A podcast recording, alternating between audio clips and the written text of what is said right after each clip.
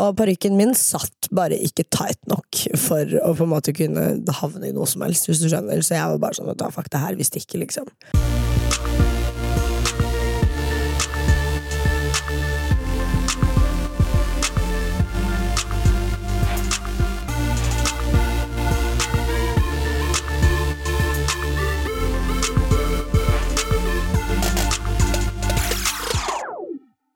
Jeg tror vi starter med det jeg er mest nysgjerrig på, og det er Nelly men ventes. Jeg er så glad for at du har vært på fast fashion event, for at nå kan ikke du bruke det som en holy grail over meg. Sånn. Nei, 100 Jeg kjøper bare brukt. Oh, no, right? Og det er liksom sånn, jeg har jo bare alltid på en måte satt min egen fitte på en pedestol og båret det med så pryd og stolthet at jeg ikke er en av disse influenserne. Well, bitch, not the fuck I am! og det var kjempegøy. Jeg ble jo invitert av uh, De hadde jo leid inn et PR-byrå, så This Is PR sendte meg mail. Lurte på om ikke jeg hadde lyst til å være med. På Nelly-festen i Stockholm, på altså. I Stockholm. Og det var utrolig Jeg var bare sånn wow, kjempestoked over det, for det er jo fast fashion eller ikke, det er jo et megaselskap. Så man må jo se på det som det. Det er jo et massivt klesorgan som vi har her i Skandinavia. Og det var veldig gøy. Vi ble flydd inn. Vi tok felles buss til flyplassen. Uh, flydd. Uh, hadde det dritfine hotellet midt i Stockholm sentrum. Uh, men allerede liksom på flyplassen så var jeg jo Full. Nei. I wish. Nei, jeg var faktisk Jeg holdt meg jævla godt. Men det var, det var godt å blande.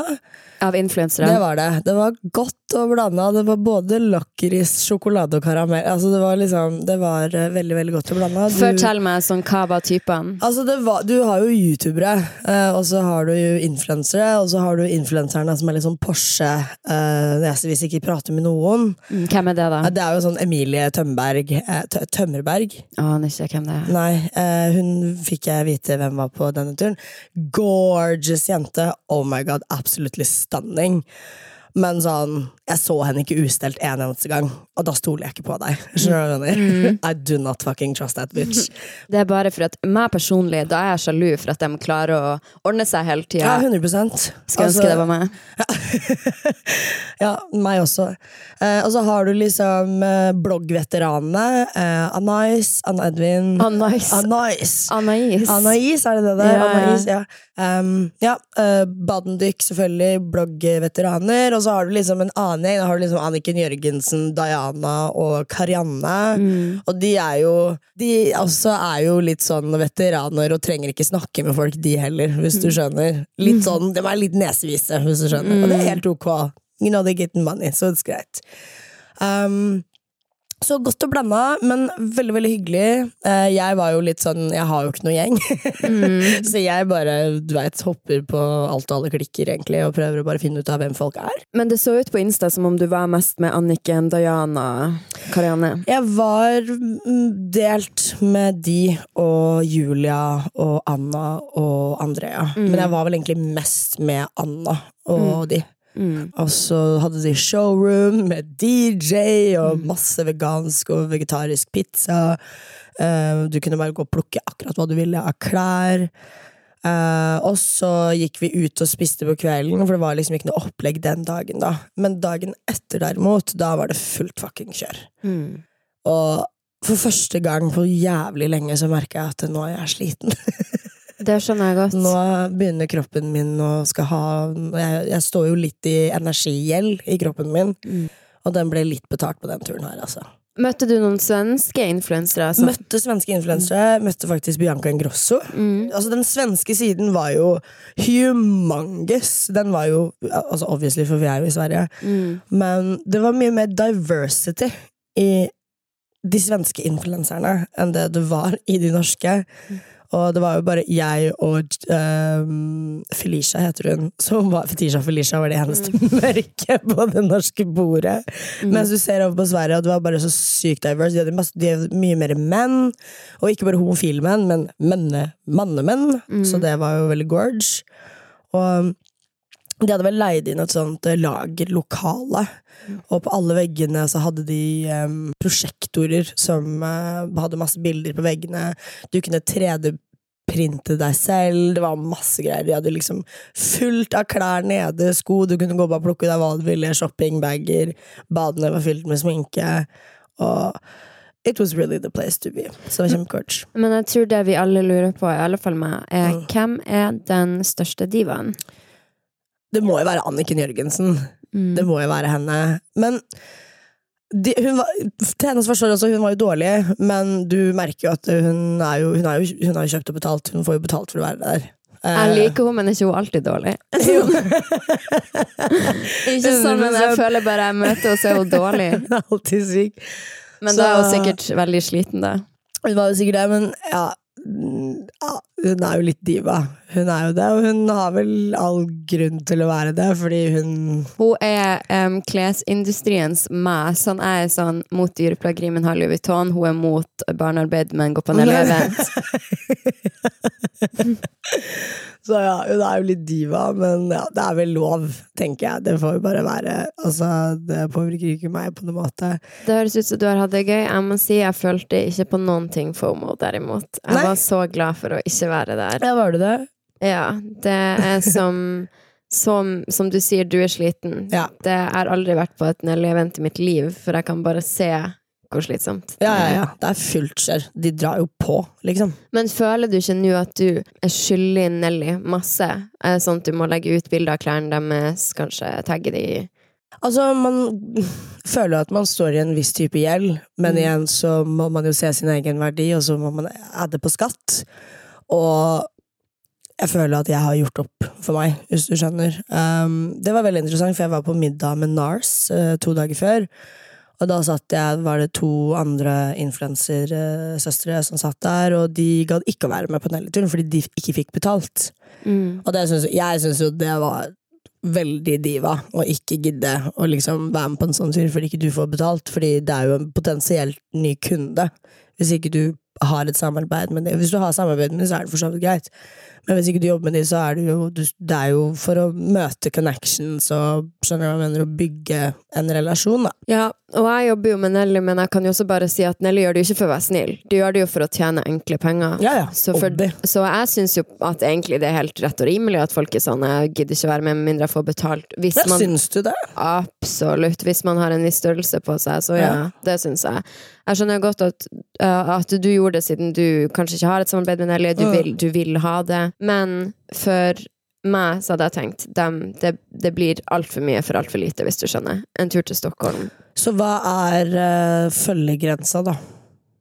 Hva tenk, hva, Nei, jeg føler ikke at det er en følgegrense. Jeg føler at det handler litt om hva du vil, og hvor du er, på en måte. Men det kommer jo litt på hvor mange følgere du har også, tror du ikke det? Det er jo en valu altså, følgere er jo valuta. Ja, men hvis du har 20 000 og allerede jobber med Nelly og får betalt fra de, ok, Mm. jeg ville kanskje dratt deg også for å vise meg, men jeg tenker sånn at Ja. du regner ut i hva du tar betalt for et innlegg, så enkelt er det. Og sånn som du sier, det har gått opp i opp, liksom. Mm. Men for meg så hadde det vært sånn tur til Stockholm og en, noen gratis klær, liksom, for at jeg skal poste dritmange stories og legge ut bilder. Det skjer Ja, ikke. altså, jeg føler ikke at jeg overdrev. Jeg la ut litt, liksom. Ja. Og, For noen har overdrevet. ja, ja, og det gjør ikke jeg. Jeg vet jo også min egen verdi. Jeg Ja. vet jo Jeg jobber jo Altså, jeg er jo ansatt med gåsetegn for United Influencers. Jeg må jo ha en viss type respekt for de også. Eh, Det å gi ut masse gratis reklame, det overkjører jo dem, og det underdriver jo min verdi når de skal selge annonser på meg, hvis jeg gjør dette her fullt og gratis. Jeg la ut to bilder på feed fordi de så cute ut. Jeg var en baddie, liksom. Mm. Jeg følte ikke noe press på det. Jeg fikk heller ikke noe beskjed om at uh, dette her er det du må gjøre. Hadde jeg fått beskjed om det, så hadde jeg nok tenkt litt annerledes på det. Der er de nettopp smart, derfor gir de ikke beskjed. Nei, hadde de vært konkrete, så hadde jeg nok ikke blitt med. Fordi at Nettopp. jeg må jo, ja, ikke sant. Mm. Og de var ikke det, og da Nei, jeg følte ikke noe på det. Men gøy å høre da at du har fått så mye kjennskap innenfor alt som kan krype og gå av influensere, minus et par som ikke var der. Absolutt. Og jeg tar jo på det som læring. Jeg er veldig ny i gamet. For meg så er det å bygge relasjoner, dra på tur og bli kjent med folk, og bli kjent med bransjen og se hvordan andre arbeider. Um, jeg møtte jo en annen asiatisk, veldig søt jente, Alice, eh, og hun driver jo med mote og sånt nå. Hun lærte meg jo masse. Eh, og hun var bare sånn Ja, jeg har mye følgere, men det her er på en måte prisen min, det her er det jeg er verdt. And you gotta add tax. Og I support that. Men hun var gratis på en event. Ja ja, men du skjønner hva jeg mener, da, med posting for liksom hva man på en måte skylder, da. Mm, nei. Det Men, vi ja. akkurat prata om nå, literally. ja, ja, ja, men jeg tenkte siden hun lærte det hard business, så jeg Nei, sånn mm, ikke om det, da, men at man på en måte Ja. Ja, jeg skjønner, men det var uansett bra at det var hyggelig, og jeg setter pris på litt drama. Men hvordan var eh, Stockholm? Stockholm var gorgeous, men uh, they be catching a fucking attitude over there, I'ma tell you. Sånn, Stockholm Folk er a different fucking breed. De har mad attitude. Uh, jeg tror nok ikke jeg kommer til å dra på en eh, partytur til Stockholm i nærmeste fremtid. Eh, de, jeg vet ikke, de var bare rude og veldig høye på seg selv. Uh, du skal fuckings ikke tro at du er noe. Eh, det går jo ikke an å prate med menn på byen der, fordi at eh, det, alle jentene har jo satt klørne sine Altså, det var Nei, det var veldig merkelig. Jeg er så enig Ja. angående Stockholm. Nei, det syns jeg var en lite hyggelig by, by, by, hvis du skjønner. Det er gorgeous der, flott å se på. Shoppingmuligheter, matmulighetene. Exquisite. Matmulighetene er dritbra, ja. Kjempebra. De, de kan det, og de kan jo liksom Altså, det, det er jo fint der. Mm. Men fy faen så frekke stockholmerne er, altså! De er det, jeg vet ikke hva det kommer av. Hva tror du?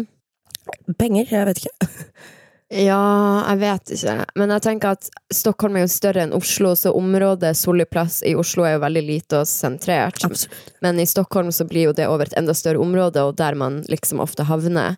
Um, for det finnes jo absolutt kule områder i Stockholm, og naturligvis ikke kanskje der man er første gangen, første gangen man er der, eller der man havner når man er på influenserevent. Mm. Jeg har vært på kule utesteder med kule folk i Stockholm, men veldig mye dårlig, som er masse fokus på penger. Ja. Ta bilder. Ta bilder og det, det, Nei, det var bare det, Nei, det, det syns jeg var vanskelig. Vi var på et sted som het Tregården. Altså, utestedet var iconic. Det var som blå. Bare ti ganger større, og det var bare Det var bare så sinnssykt bra musikk der. Mm. og masse forskjellige rom, og det var bare veldig, veldig baddy. Men det, de, folkene som var der, var ruthless. Altså, de var så frekke, og det var, du, du kunne ikke danne Hvis du skumpa inntil noen og du dansa, så ble du blikka ned. Og parykken min satt bare ikke tight nok for å på en måte kunne havne i noe som helst, hvis du skjønner. Så jeg var bare sånn at fuck det her, vi stikker, liksom. Skjønner så hva du mener. Ja, Det er et uh, stress ute i ja det var det. Og folk er ikke åpne eller hyggelige, så vidt jeg har erfart. Nei. Sverige er bedre i, på to plasser. Det er når svenskene kommer hit og jobber, og, når, og det er i godteriavdelinga. Det er de to. Og tobakk og sprit. Ja, mat og alt sånt er mye bedre, og det er jo ikke til å stikke under en stol at Sverige er på veldig mange måter et utrolig mye bedre land enn oss. De er så mye flinkere med film og musikk og absolutt alt sånt. Men er det ofte veldig mange kjipe folk? Ja. Det? Ja. Men nå skal det sies at de jeg foretrekker å jobbe med, ofte er svensker. ja, de jobber mye hardere, syns jeg. de jobber hardere, Enig. Og på jobb er de mye snillere. Ja. Da er det sånn kram, gumman Ja. Man kan få Takk sånn snille. ja, takk snille på mail, og det syns jeg er så hyggelig. I Ja. Norge så er det sånn hei, punktum. Hva er det? Ja, Very that. Jeg prøver, ja. veldig hard uh, Man kan jo aldri si hei, fine du på mail. Nei, på mail. absolutt ikke. Da Men tenker man du er uproff. That's me. Ja, du, Jeg altså. er veldig uproff, men jeg gjør det litt uh, taktisk. Ok, og, Veldig taktisk. og den taktikken er er å bare virke litt mer dødelig. Ja. Men du var ikke benærlig. Du har jo gjort noe annet, og noe som kommer nå snart. Skaperkolleksjonen din, den kommer jo ut i dag. Gleder du deg? Altså, nei, og det kommer sikkert til å høres rart ut, men jeg gruer meg heller ikke. Jeg er en sånn person mm. som går inn i en situasjon når jeg er der. Jeg sitter svært, svært, svært sjeldent og verken gleder eller gruer meg foran, for at da holder jeg på med noe annet. Og så blir jeg glad når det kommer ut, og da kan være helt inne i følelsen. Ikke sant? Men eh, altså sånn, man må jo lure skappel. Altså, hva har du med det å gjøre? Strikking. Um, Mm. det, det er jo en rød tråd, for at det er jo natur og dette her, men sånn, hva, hva fikk deg til å falle i dette samarbeidet? Først en side note, fordi at helvete, jeg glemte av at det har kommet nye regler for reklame for pod, så utrolig nerd. Nå når jeg snakker om skappel, så må jeg si Det her er reklame, forresten.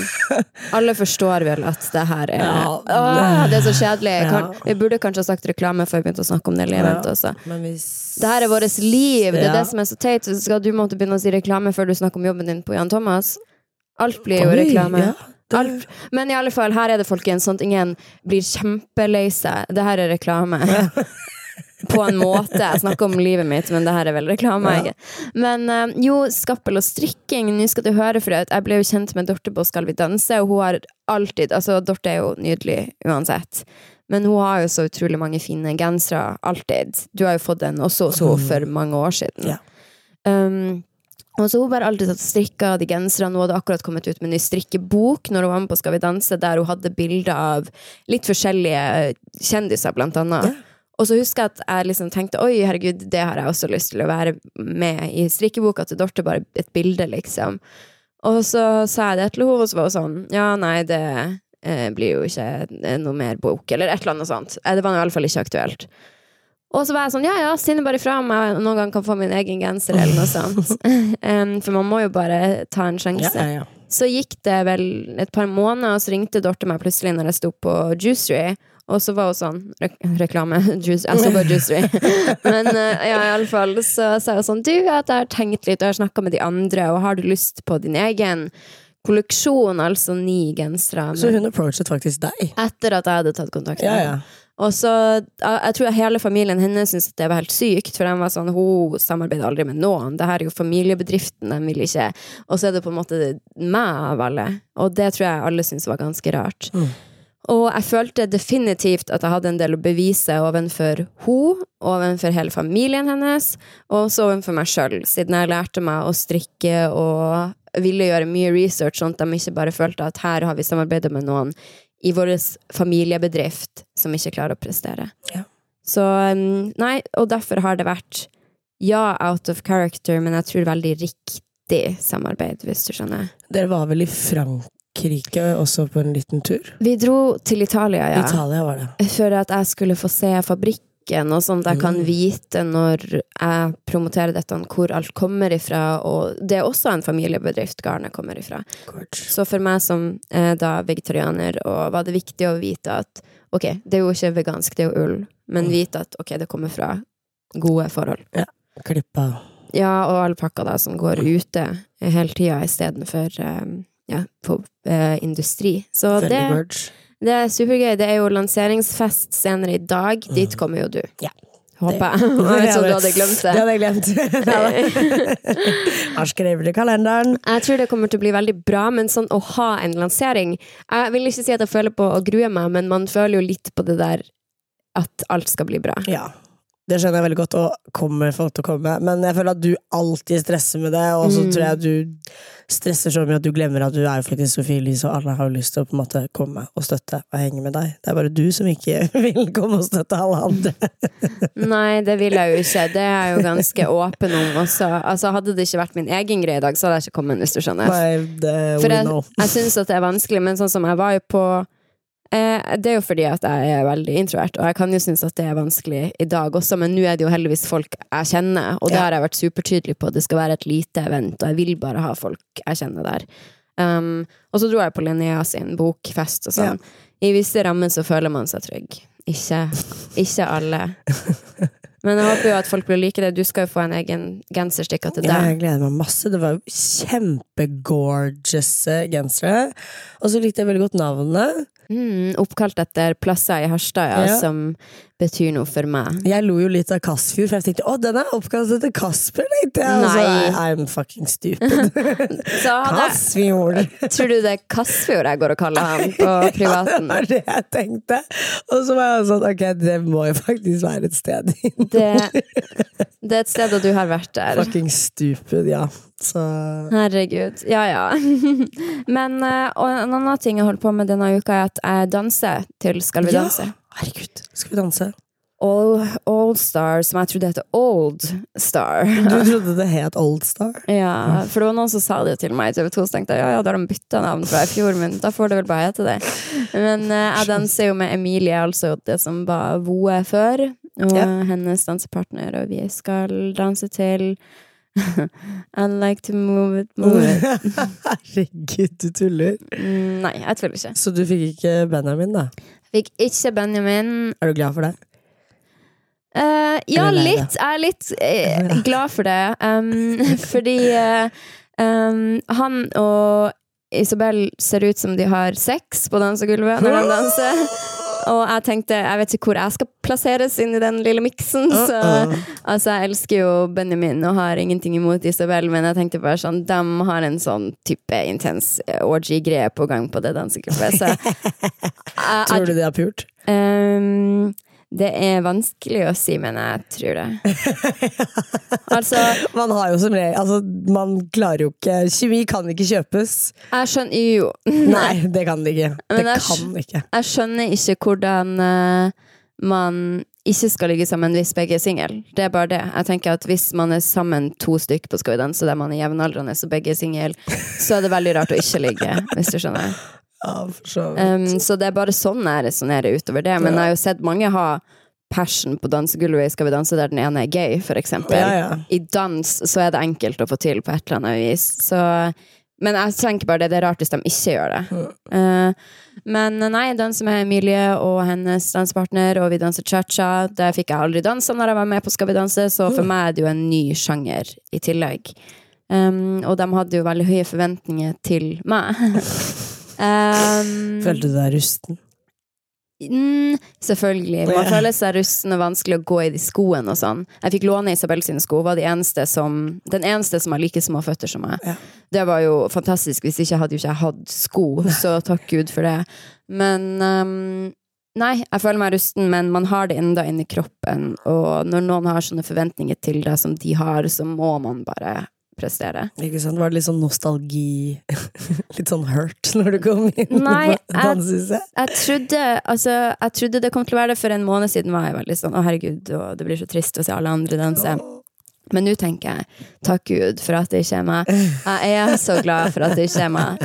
Som å våkne hver lørdag med nerver og bare kunne ha en normal lørdag. Jeg setter så pris på det. gikk på eggeskall i den perioden der. Det var umulig å ha kontakt med deg da, altså. Det var, det var mye, og det er jo ikke rart. Det er altså, det er jo et helt nytt felt. Mm. Det er jo som å plutselig liksom stå opp hver lørdag og ha eksamen i Mm. liksom fysikk, hvis du skjønner. Det er jo litt spesielt. Med publikum. Med, med publikum. Ja, nei, det var, det var jævlig heftig, og jeg gjorde så mye annet i tillegg Ja. til selve dansinga. Så for meg var det en stress og jævlig periode. Og nå tenker jeg det er deilig å ha en lørdag der jeg ikke trenger å våkne og føle meg fysisk dårlig. Sant? For det tror jeg det mange av dem som er med, gjør. Og for all del, fantastisk opplevelse. Dritgøy når det går bra. Men jeg er glad at det var en gang i livet. Har du fulgt med på det religiøst denne sesongen? Nei, men jeg har sett uh, en del på Jeg har jo gått inn og sett på de som er Klippene, liksom? Eller? Ja, ja, ja. Så jeg har sett på Isabel og Benjamin, selvfølgelig. Mm. Og uh, det er jo supergøy å se. Og så så jeg har sett Emilie og hennes partner siden Er Emilie flink? Ja, Ja, hun er det. veldig flink. Er hun ja, er ikke hun danser? Uh, jo cheerleader, da. Så kan jo litt sånn hopping og triksing og spagaten og sånt. Cute. Um, så har jeg sett en som heter Viktor. Helt fantastisk. Ja. Nå har Per Sandberg og Bahare røkket ut, da. På rad. Først røyk han, og så hun. Ah. Ja, Forventa. Det, ja, det var ikke så uforventa.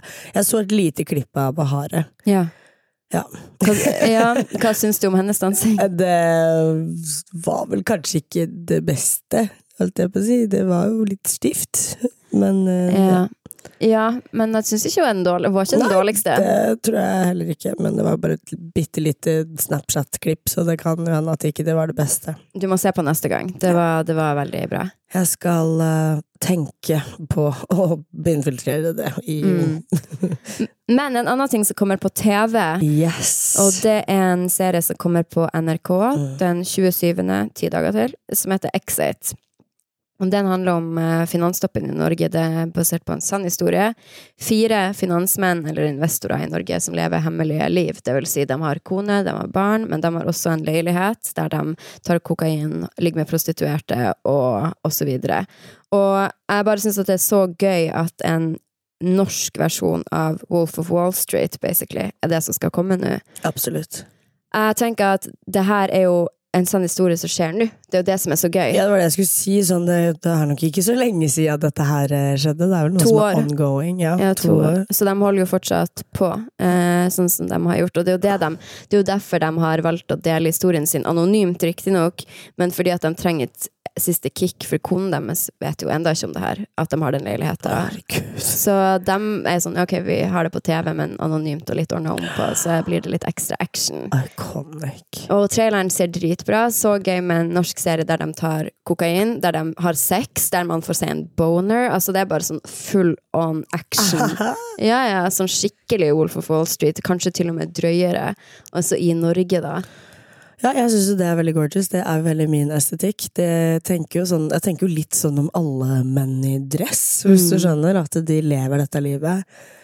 Når du er og sugardater, så er det jo disse mannfolkene som stiller opp på date, hvis du skjønner. Det er Kan du fortelle om det du var på Sugar Baby Date? Ja, jeg har vært på Sugar Baby, jeg har jo gjort det. Jeg har dessverre ikke fått tilbudt penger nok for sex. Hadde jeg fått det, så hadde jeg jo 100 gjort det. Men eh, bare det å dra på en date og få betalt for å være i noen andres selskap, er jo bare amazing. Jeg kan være hvem faen jeg vil. Uh, han vil jo bare ha selskap og spise middag på et hyggelig sted, liksom. Var du nervøs? Absolutt ikke. Ikke? Nei. Ikke litt engang. Der hadde jeg vært nervøs. Nei, ikke jeg. Jeg er jo en lystløgner, holdt jeg på å si. jeg Så det her har aldri skjedd? Nei da. Um, nei, jeg vet ikke. Jeg syns det er noe intriguing ved å på en måte bare ikke være seg selv og manipulere situasjonen. Jeg veit jo på forhånd hva denne mannen her er på utkikk etter, og det er jo bare på en måte å leve den fantasien og servere han den fantasien han vil ha. Har du vært redd for at noen Nå har jo ikke du gjort det her særlig mange ganger, det, men at noen skulle liksom bli skuffa? At de betaler jo for det, eller gir en gave, og så kanskje man ikke klarer å leve opp til den forventninga, da? Oi, det er veldig interessant. Eh, Jeg har ikke det, fordi at eh, hvis jeg merker at det er noe merkelig på melding, så drar jeg på en måte ikke. Mm. Så jeg har nok ikke hatt den følelsen. Ja. Og så er jeg jo veldig talkative. Jeg er jo veldig pratsom. Mm. Jeg, altså Jeg skuffer jo sjelden, alt jeg på å si. Mm. Men um, og, og dessuten, de som har strukket seg ut som meg, they have a type. Skjønner du? Mm. They have a type. Det er jo ikke Men har du bilder av deg selv, da? Selv? Ikke på profilen. Det har jeg ikke. Nei, du, de må be om det, Også. De må be om det. Mm. Mm. Men du har skrevet sånn hvordan type du er, og liksom hvordan man må skrive type høyde, vekt, sånne ting. Mm. Ja. Ja, det er, er der, ja, der er noen ting jeg hadde vært nervøs for, faktisk. Skikkelig. Altså, Hvis ikke de er interessert i det, så er de ikke interessert i det. De tar ikke tak i deg. Så, det er, så enkelt er det. på en måte Mm. Og du merker jo allerede veldig kjapt i samtalen hvordan type menneske dette her er. Eh, det er jo de heterofiles grinder, hvis du skjønner, bare med betaling. Men eh, de som Jeg har jo truffet tre stykk, jeg har vært på det fire-fem ganger, og de første gangene så har jeg fått betalt, og de andre gangene jeg har møtt dem, så har det jo, de har blitt venner av meg. Vi har blitt venner etterpå. Mm. Så Det stemmer. didn't, ja. Jeg kan bekrefte. ja. Um, Det har jo blitt kjempegode venner av meg, og vi møtes jo fra tid til tid og tar drinker, liksom. Men det er jo ikke noe, det er ikke noe payment, hvis du skjønner. En ting de sier i traileren til den eh, nettserien som er veldig interessant, eller til Exit, da, er at de sier hvis du kunne gjøre hva faen du ville, hva ville du ha gjort da? Og det er jo det de mennene mener at de gjør, ved å ha en Mm. hemmelig leilighet, prostituerte kokain, og ha familieliv på sida, da. Og bare eh, oppføre det en scene der de, han betaler en prostituert for å ha en golfball i munnen som han skal slå med en liksom golfkølle, da. Mm. Og hun liksom ikke vil ligge på gulvet og bare svette, og han står på uh, gulvet og bare skal slå, liksom. Og kan treffe henne rett i ansiktet og typ ødelegge henne for alltid. ja. Og um, da, den er sann, den historien. Og han betalte jo ikke så mye, tror jeg, engang. 25 000 eller noe. Og jeg hadde aldri gjort 25 000 for å bli slått i trynet. Um, men i alle fall, det eh, vekker jo et interessant spørsmål, fordi Justin Bieber la jo ut i forrige uke en post på Insta der han Mm. skrev om at han om sine struggles med at ok, du blir rik når du er veldig ung, alle sier bare ja til det. Og han bare jeg begynte å behandle kvinner som dreit, jeg begynte å behandle folk som dreit, jeg fikk tunge rusproblemer. Og det sier jo litt om hva folk gjør med, eh, penger gjør med folk. For i den Exit-serien, der også er de jo helt jævlige personer, fordi at de er mangemillionærer, sant. Uh, og gjør penger alle til drittsekker. Uh, og det tror jeg nesten, ja, de fleste. Det tror jeg absolutt. De, og jeg tenker at det krever ofte en viss type menneske å kunne bli så rik. For du er nødt til å tråkke på folk og være, ha spisse albuer. Selvfølgelig finnes det unntak. Jeg tror ikke at Opera er en kjip person. Nei, det var et veldig fantastisk eksempel. ja, ja, men det er mange, eksempel, ja. mange er fine, men de har også blitt rik på verdier som er gode. Men hvis du blir rik på typ finans, så er det ofte en veldig kjip person. Tror jeg. Ja, du må nok ha litt spissere albuer, og jeg merker bare i frisørbransjen så må man jo ha spisse albuer for å komme fram. Det er, Mm. Man er jo så jævlig mange. Hvor mange frisørslanger er det ikke på et hjørne, liksom? ja, absolutt. Og sånn, um, sånn er det i mange bransjer. sånn er det i mange bransjer. Og, Men i bransjer som er litt mer sånn der, Derfor syns ikke jeg at man kan i influenserverden for eksempel oppføre seg diva, for at du har ingen reelle rettigheter. Du er avhengig av folk for å gjøre det bra. Så ikke liksom tro at du bare kan gå rundt og være diva. sant? Det å være influenser, det er ikke en beskytta tittel. Det er ikke du, Hvor mange andre hyggelige influensere finnes det ikke, og som har lyst til å jobbe for mye mindre? Men en ting som de sier i den Exit, eller om Exit-serien, jeg har jo lest mye om det når regissøren sier at han, hadde, han intervjua jo disse, han, og det er et selvmordsforsøk inni her, da. Og da var det sånn han, En hadde prøvd å ta et selvmord i virkeligheten da, fordi han hadde gått konkurs. Og, og så sa de Men hvorfor kan du ikke bare gå til noen av vennene dine? Du har bare dritrike venner, så hvorfor ta selvmord? Liksom, det er ikke kjørt for deg. Altså, sånn, Den vil heller ta selvmord enn å innrømme overfor vennene dine at du er konkurs. Det var det som var grunnen. Så det gjør altså så vondt å innrømme at du ikke har penger, at du heller vil ta ditt eget liv, enn å spørre vennen din, som er god for mange hundre millioner, om du kan låne litt. Og da sa de et veldig godt poeng at hvis penger er det eneste du bryr deg om, så skal det så lite til for at hele livsgrunnlaget ditt, grunnen til å leve, er borte. Og det er jo det, da. Baserer du lykken din på noe eksternt, eksempel hva en annen person syns om det, eller penger, eller et eller annet, så er det sjokk. Så har du bare lyst til å dø. For det kan gå bort med en gang. Og det er ingenting kontroll du har over det. Og der kommer jo den uh, sendesida av meg inn. Hvis du har den den lykken fra inni deg sjøl, så spiller det jo ingen rolle om du får kreft eller du Altså sånne type ting, for du har den tryggheten inni deg. Men er det penger eller likes eller et eller annet, ja, Tror du penger gjør oss lykkeligere? Um, jeg tror at penger i, til en viss grad kan gjøre at livet ditt blir bedre fordi du har en mindre bekymring. Men lykkelig, det har man jo fått bevist gang på gang at det ikke gjør.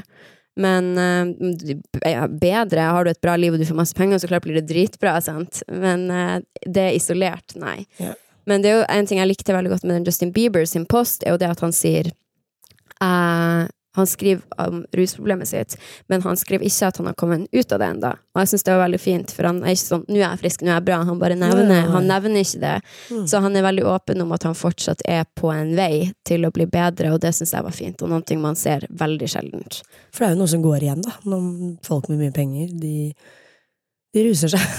det er jo liksom Mm. Du har p- pent hus, og så har du dyre klær, og så har du dyre ting, og så har du dyre biler, og så har du dyre vin og mat, Mm. og så har du rus. Som på en måte er på toppen, hvis du skjønner. Mm. Og da De sier jo at det er for å ta ned, gjøre nedturen mindre, på en måte, fordi at du får så mye oppmerksomhet, så kommer du hjem, så er det helt stille. Mm. Eh, og ikke gjøre kontrasten så stor, da. Så blir nesten rus en nødvendighet for å komme seg gjennom livet. Det er veldig interessant. Mm, veldig forståelig. Det er Ja. artister, for eksempel, du får så adrenalin når du står og har konsert, og så må du finne det adrenalinet adrenalin ellers, for du bli avhengig. Ikke og da er det rus. Jeg var på en, um, en sånn interessant ting om det med utstråling, eller litt treff det vi snakka om i stad. Ja. At jeg var på en konferanse og snakka, eller holdt foredrag, og det var en konferanse for tannleger, da. Og dem, deres uh, overordna tema på den konferansen var uh, skal tannleger tilby estetisk behandling eller ikke. Og da holdt en plastikkirurg foredrag der, og han opererer som generelt folk, og han sa, snakka om at folk som tror de selv er pen, selv om de objektivt sett kanskje ikke er det, eh, får like mange muligheter i livet som de som er pene. Så utstråling har liksom alt å si. Eh, mens Men hvis du Ja, men du er jo pen i tillegg, da. Men hvis du er stygg og har dårlig utstråling, så får du mindre muligheter. Men er du pen og har dårlig utstråling, så får du likevel like mange muligheter. Og sånn er det. det er Ja, liksom, det er helt riktig. men det er forskning. Um, men han snakka om veldig mye interessant, og om hva som egentlig er pent, hvordan man bedømmer det, bla, bla, bla. Men det som var interessant med det her foredraget, her, det var at jeg også satt i et panel. Um, og der var det Det var bare menn der i panelet, alle mange år eldre enn meg. Og folk Det var en spesielt, en av de tannlegene, som hadde sånn såkalte influensere og bla, bla, bla. Veldig sånn lille venn-holdning. Ja, ja, og jeg var sånn Jeg tok liksom mikrofonen etterpå, så sa jeg sånn Jeg vil ha meg liksom frabedt å bli omtalt på den måten. Fint. Og da fikk jeg for første gang føle på Sånn her er det å være den eneste kvinnen i rommet med mange menn Ja. som dominerer, for det har aldri følt på før. For jeg har alltid vært der av en grunn, og det at folk vil ha noe fra meg. Men nå var jeg litt random, Ja. på en måte. Poenget var at jeg hadde det veldig hyggelig på den tannlegekonferansen, og jeg liker jo Altså, man kan sikkert være teit og sånn, men jeg liker litt å bli behandla på den måten, Fordi for meg er jo det nytt, men jeg kan tenke meg hadde det vært Og det var mange av dem som ikke var sånn i det hele tatt. Altså, de jeg snakka mest med, var jo ikke sånn. Men jeg merka bare den overordna eh, greia, og visste du at det nå nylig var en eh, kvinnelig konferansier her i Norge som ikke fikk jobb på et event for kongefamilien og statsministeren fordi hun er gravid? Og det er jo litt sånn at du får ikke snakke på en scene Mm. fordi at du er prego, så det er ingen som kan egentlig gi en årsak til det. Men da ble jeg litt sånn inne i å herregud, nå har jeg plutselig fått opplevd hvorfor kvinnekamp er viktig, på en måte. Men visste du at eh, kvinner i Nepal må sitte i et eget skur når de har mensen? Mensen. Ja, det visste Er jeg ikke det sykt? Det er jo bare Det er så sykt nettverk. Ja, men det er fordi at det blir sett på som Skittent. Så du må sitte der og sture i tre-fire dager. Ja, og tenk hvis du er ni år når du får mensen. Stakkars. Sitte alene i et skur. Mange har dødd også når de har sittet i de skurene. Bare i år er det to jenter som har dødd for de har sittet i de skurene og ikke vært med familien sin. Vet ikke om de får mat engang. Må bare sitte der og blø ut. Helt sykt. Disgusting. Og det er noen ganger man får vite sånne fakta om kvinner rundt omkring i verden som bare er så ekkel og hardtslående å få høre. For jeg føler meg ikke som en kvinne, hvis du skjønner. Jeg sitter ikke og kjører bilen så tenker jeg å, jeg er en kvinne. hvis du skjønner. Jeg føler meg ikke sånn Det er veldig godt sagt. Nei, jeg tenker ikke så veldig mye over det. Nei, Når jeg tar av meg BH-en Å, faen. Kujura mine, liksom. Ja, det er dame, men jeg tenker ikke over det. Jeg Nei. tror du tenker mer over det i Midtøsten og India. ja, nettopp. For jeg Ja. og du er ikke bare i Norge, men vi er i kvinnedominerte bransjer. Ja, det også har Så- mye å si. Ja, vi får aldri følt på det der at Nei. fordi vi er en kvinne, så får vi ikke ditten og datten. Nei. Måten å få opplyst folk om kvinnekamp på, er ikke det med å i alle fall for min del, å peke på hvordan ting er her i Norge. For for meg så kan det fort bli litt sånn banalt, Mm. siden jeg ikke føler på det sjøl. Så da kan det være sånn å nei, folk dømmer deg for du er influenser. Eller du skjønner hva jeg mener? Det blir så Mm. bortskjemt. Men når jeg får høre om sånn som de kvinnene i Nepal, da, eller at det for ikke så mange år siden var tvangssterilisering av kvinner i India og sånn, så blir jeg bare Ja, gud. og tenk det, det var det sånn at du for eksempel kunne ikke ha, på, ha billett på bussen, og så kunne noen være sånn ok, kom med meg, liksom, for da fikk du en unnskyldning til å ta folk. Og så var det egentlig, trodde du at du skulle få bot for at du ikke hadde tatt bussen, men så ble det egentlig tvangssterilisert, var en greie i India da av overbefolkning. Mm. Mm. Og det er jo et ekte problem, overbefolkning, men jeg, da følte jeg på den kvinnegreia at man bare mister retten til sin egen kropp. Men den har jeg aldri følt på sjøl, så det er for meg Nei, jeg har jo ikke det. Nei, og jeg har blitt voldtatt, liksom. Jeg følte ikke at det hadde noe med meg som kvinne å gjøre. Jeg følte Nei. at det hadde med en kjip person å gjøre. Det, det vekka ikke en sånn kvinnekamp i meg, hvis du skjønner. Nei. Men jeg føler på den skikkelig når det blir sånn Jeg hører de historiene fra verden, og så føler jeg at jeg og du lever vårt beste feministiske liv ved å være sterke karakterer og være det vi vil være, da. Mm. Som er oss Ja, det, åh, det syns jeg var skikkelig pent av deg å si. At jeg, jeg, du, ja, man tenker jo ikke, vi tenker jo ikke på det her, at man er kvinne. Det er liksom aldri noe som streifer en. Og man snakker jo liksom vi, vi har jo liksom den debatten her i Norge om lik lønn, og det Mm. er så petty, da. I Ja. forhold til andre land som på Men gjør, Ja. hvis du gjør lik jobb, så skal Mm. du få lik lønn. Ja. Men jobber du Og mindre, også så ha lik mulighet til å stige i klassene. Hvis du jobber like I mye, ja. Hvis du skjønner. Ja. Hvis du jobber like mye. Absolutt. Men Og det, jeg sier ikke at de tilfellene ikke skjer, for de finnes, men jeg føler at ofte for menn Ofte, og det her sier jeg, og sikkert upopulært, men ofte så får menn kanskje litt mye dritt fordi at de, mange av de jobber også veldig hardt, men at de, det er akkurat som 'å, du fortjener det ikke for at du er en mann'. Men det er jo veldig mange menn som også fortjener det de har fått. Akkurat som at kvinner fortjener ting de kanskje ikke får, hvis du skjønner. Det er ikke så unyansert at ingen menn egentlig jobber hardt, og kvinner skulle heller vært der, hvis du skjønner. hvis jeg og du hadde vært eh, sånne finansdamer, og vi hadde hatt de millionbeløpene, hvordan tror du vi hadde vært? Um, jeg hadde vært For man har jo ikke, man har jo ikke sett The Wolf of Wall Street med damer, hvis du skjønner. Hvordan tror du jeg og du hadde vært? som de, for at du er nødt du, Skal du jobbe 24-7, da jobber du 24-7. Da har du ikke tid til å smalltalke, eller at noen ringer deg og spør hvordan kjole skal jeg på meg. Da er det sånn, hold nå fuckings kjeften din, jeg holder på med noe annet greier. Man blir jo sånn, beinhard. Det er det du må være. Hadde jeg vært utro hadde en leilighet på å si, neppe. Men hadde jeg vært beinhard og kjip, ja. Da hadde jo du også vært. Så Ganske. Man må det. Hvis ikke hadde man ikke klart å være der. Altså. Men apropos hemmelig leilighet, du har jo egentlig det. Du har jo fått deg leilighet i Tromsø. Jeg har ikke fått meg leilighet i Tromsø, det har jeg Ikke? Jeg har ikke kjøpt den enda, men jeg har bare skrevet på mine sosiale medier at jeg skal flytte, eller 50 uh, i Tromsø. Men du skal flytte 50 til Tromsø? til Tromsø, ja. Um, fordi at uh, Eller 50 hva prosentandelen blir, vet jeg ikke. Men jeg tror nok at jeg må være mest i Tromsø for å ikke måtte skatte av den som en sekundærbolig. Mm. Um, men det blir um, Det blir uh, veldig bra. Jeg fikk selvfølgelig veldig mye kritikk for at jeg skal fly fram og tilbake til Oslo. Går det an å ta toget ut? Nei, det gjør jo ikke det. Eller det jeg kan gjøre, at jeg kan ta tog, hvis jeg har forstått det riktig, til Trondheim, ta tog videre til Sverige, ta det til Narvik, og så ta bussen. Altså Ja, bruke det kan du gjøre, da. Det tar jo ikke lang tid i det hele tatt. to og et halvt døgn, baby. Mm, ja. Og så er folk sånn Ja, men du kan jo jobbe på toget, eller til sånn Men så sånn Ish, men du kan liksom ikke gjøre alt. Jeg kan jo ikke dokumentere sosiale medier fra tog i to dager. Tror du at løsningen på dette her med at du ikke skal bli så roasted for dette, er kanskje at du må jekke ned på å fortelle hva andre må gjøre for at vi skal Skjønner du hva jeg mener? Jeg tror Ja. at det blir litt lettere for deg om du jekker altså, det er ikke det at man på en måte skal, ikke skal være bevisst på det, ikke bry seg om det, men jeg Mm. tror at hvis du bare på en måte slutter å fortelle Jo. andre om det, at det vil bli litt lettere for deg. Jeg skjønner skikkelig hva du mener, Ja. men samtidig så er det det at jeg er jo, jeg er jo klar over at å fly er dårlig. Der tar jo jeg et egoistisk valg. Mm. Og det står jeg på en måte inne for. Det er jeg ikke aksepterer helt når folk sier sånn Nei, det er jo ikke egoistisk. Det er sånn, jeg vet jo at det er egoistisk. Jeg velger jo å prioritere forholdet mitt og min egen velvære over miljøet, på en måte. Ja. Så jeg, jeg vet jo de tingene jeg vet. Jeg vil på en måte ikke feie det under et teppe heller. Nei. Men jeg er jo i prosess. Sånn, kommer jeg kanskje om ti år til å bo på bygda og aldri fly eller noen ting? Mest sannsynlig ja, for da har de tingene tatt meg igjen, på en måte.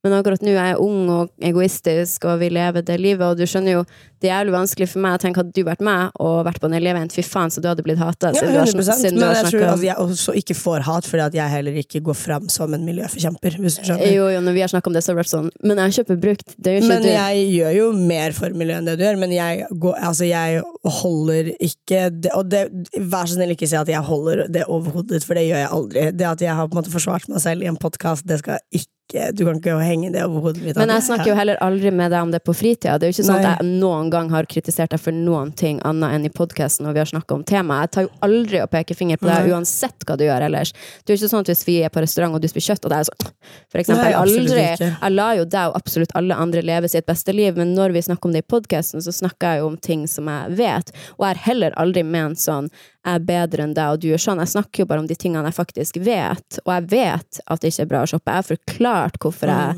ikke gjør det, og jeg har sagt sånn ja, jeg reiser, men hadde ikke du også reist mye, hadde du hatt masse penger? Jo, mest sannsynlig jo, eller det hadde mange gjort, liksom, og det er jo bare det jeg prøver å si. Ja. Og det er sånn det er veldig slitsomt, hvis du skjønner, for jeg kan heller ikke opplyse om de tingene jeg vet, og sier jeg det på en måte på en sånn ydmyk måte, så blir det også feil, hvis du skjønner, fordi at alt blir liksom feil når man snakker om denne diskusjonen. ja, får du også hat når du på en måte tråkker Ja, Jeg føler jo at altså, nå avbrøt jeg deg. Eh, Det er bare det hvordan skal man tråkke varsomt, på en måte. For man kan jo sitte her sånn Ja, det er ikke bra. Så er sånn, der er diskusjonen på en måte over, hvis du skjønner. Og så er det sånn at det jeg har sagt, er at man kan si sånn absolutt å gjøre litt bedre enn ingenting. Mm. Men man kan ikke si at det er nok, på en måte. Jeg vet jo at jeg ikke gjør nok, og du gjør heller ikke nok. Den har bare vært viktig å ha klart for meg. For hvis man sier 'jeg er nok', så er det ikke rom for forbedring. Nei. Så litt bedre enn ingenting. Jeg vil heller at folk skal bytte ut plastglasset sitt mot en vannflaske, hvis du skjønner, så de har med seg fast, enn å ikke gjøre noen ting. 100% Men man blir forma av det man opplever, og jeg tenker at for meg som for eksempel hvis jeg har sittet i tre dager og bare sett klimadokumentarer og så hørt 100 podkaster, og så kommer vi til å snakke om det, så har du overtenning, sant? Um, men det må jo være rom for det å kunne opplyse, liksom. Absolutt rom for å opplyse, men jeg tror at på en måte Nå skal jeg være litt frekk mot publikum og si at eh, det er dødelig, og man har ikke alltid forståelse for det, hvis du skjønner. Og jeg tror at det er det man må ta litt i betraktning, at Mm. folket er sort og hvitt. Og sånn er det, hvis du skjønner. Du kan ikke, du kan ikke både være en frihetsbekjemper, en miljøaktivist, og så på en måte legge ut et bilde at du er ute for dem, fordi at Mm. da tråkker du på dine egne ord. Nei, nei. De vil aldri se de tingene du faktisk gjør for, for miljøet, fordi at den ene flyturen du har tatt, den kommer til å bli hengt over hodet ditt. Det er veldig synd, for at for eksempel med Greta Thunberg Jeg skulle ønske at hun fikk lov i gåstegn til å fly på de møtene hun måtte ta, hvis du skjønner. Jeg For tenk, tenk hvor mye det kunne gjort for planeten at hun hadde i sånn ringvirkning. Da. Ja, jeg vet, hun er, er det noen som skulle fuckings få lov til å fly, så er det jo henne. Ja, og Men det, samtidig, det går jo litt imot det hun sier, og det er jo bare et sterkt brand, og Ja. har ikke hun Aspergers eller er jo, autist? jo, men på en måte der må man jo få lov til å skjønne en ringvirkning, da. At det er sånn hvis Greta Thunberg flyr til Kina for å snakke på en miljøkonferanse, så kan hun ha massive positive ringvirkninger. Så la hun på en måte, for den positive effekten kommer til å være større enn den Men der kommer jo folk igjen, det er sort-hvitt. Det hadde ikke gått. Det, det, hadde ikke gått, Det liksom. er veldig leit at det er sort og hvitt, men Ja. tar jeg selvkritikk på at måten jeg har ordlagt meg på, har kanskje vært, har vært feil. Mm. Eh, 100 Ikke nødvendigvis feil, men hard. Ja, ja, har. Hard. Men det er jo fordi at jeg også er bevisst over at situasjonen vi er i, er hard. Mm. Men så skifter jeg mellom å tenke og jeg vil skifte, endre på alt og endre livet mitt. Mm. Men så tenke jeg vil ikke få barn uansett, på en måte. Fuck det her, jeg har lyst til å leve livet jeg har lyst til å leve, hvis du skjønner. Mm, Oh, du, apropos det der, en liten fitte igla seg inn på DM-ene mine Mm. eh, fra forrige podkastepisode og skrev at hun spøy av at eh, jeg hadde sagt at jeg ikke ville ha barn. At jeg syntes det var litt Og jeg vanskelig fikk den samme. Jeg fikk den samme det. Ja, Sendte hun den til deg også? Ja. Fy faen, det er et rascally rat. Å, fy faen. Og da ble jeg så provosert, for det er bare sånn derre Unnskyld meg. Mm. Selvfølgelig er det å ha barn et like egoistisk valg som det å fly. ja, ja, du. Fuckings kødder du med meg? Jeg skrev til henne jeg bare bitch, kom deg av profilen min.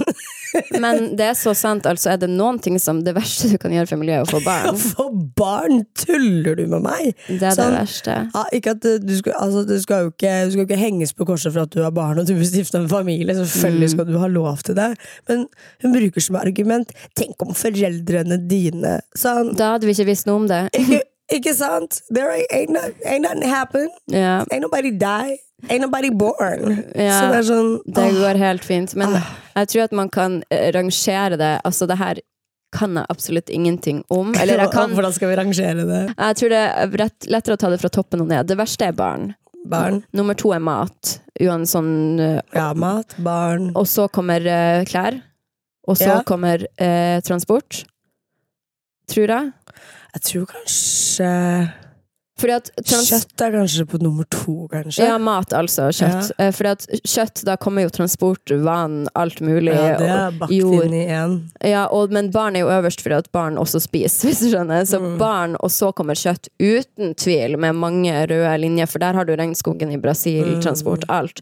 Så kommer nok klær, og så kommer nok bare sånn generell transport, vil jeg tro, uten at jeg vet Mm. det. Men jeg føler det er noe imellom her som jeg ikke sier. Men olje kommer jo igjen inn i transport, kanskje. Engangsting. Kanskje Engangs... forbruk, da. Ja. Bare sånn generelt kanskje kommer på tre, da. I don't know. Mm. Men i alle fall barn på nummer én. det, det sto, et stort, stort problem er overbefolkning, Ja. folkens. Eller er det store problemet egentlig forbruket vårt, er jo et spørsmål. Men da kan vi jo sette toner for en litt ny attitude i podden. At det skal være rom for å heller feile og heie, hvis Ja. du skjønner. Jeg blir jo glad hvis noen sier Jeg har slutta å spise kjøtt en gang i uka. Jeg Mm. tror at alt har en positiv ringvirkning. Og la oss si at jeg blir inspirert og plutselig en dag tar toget til Tromsø. Så kan jo det, selv om det er ekstremt La oss håpe Miljøpartiet gjør noe med det. Håpe det blir Ja. bygd tog i At hele det Norge. blir eh, tog i hele Norge. Da er vi Gucci. Yes, men uh, takk for i dag, og husk å gi oss en rating på podcast-appen. Ja. Fordi at nå er vi på 2,8, så snart på 3000, og mitt mål er jo Mitt lille interne mål for meg sjøl er 3000 før denne måneden Nei, måneden. Før dette året er over. Og alle som syns at vi er litt harde i denne podkasten, hadde det egentlig vært gøy å høre på om vi ikke var det. Så når vi snakker dritt om Frp, hva hvis vi hadde vært sånn sikkert grøy? Det hadde jo ikke Å, oh, det er sikkert hyggelig, da! ja, Da får du gå og snakke med no one ever, Fordi at folk har jo meninger, og det har vi også. Og fuck Frp. Å, fuck Frp. Vet du at venninna mi var sånn, en god venninne av meg var sånn Jeg stemmer Frp. Og jeg var sånn Blocked! Nei, jeg var sånn, det går fint. Jeg aksepterer folk tror at jeg er skikkelig hard, men på privaten jeg aksepterer det meste, liksom. Men ikke, Ikke ikke offentlig. Da, har jeg, da er jeg en karakter. Det er jeg ikke, men da sier jeg ifra. Ok, vi snakkes okay. neste tirsdag. Ha dem! Ha det!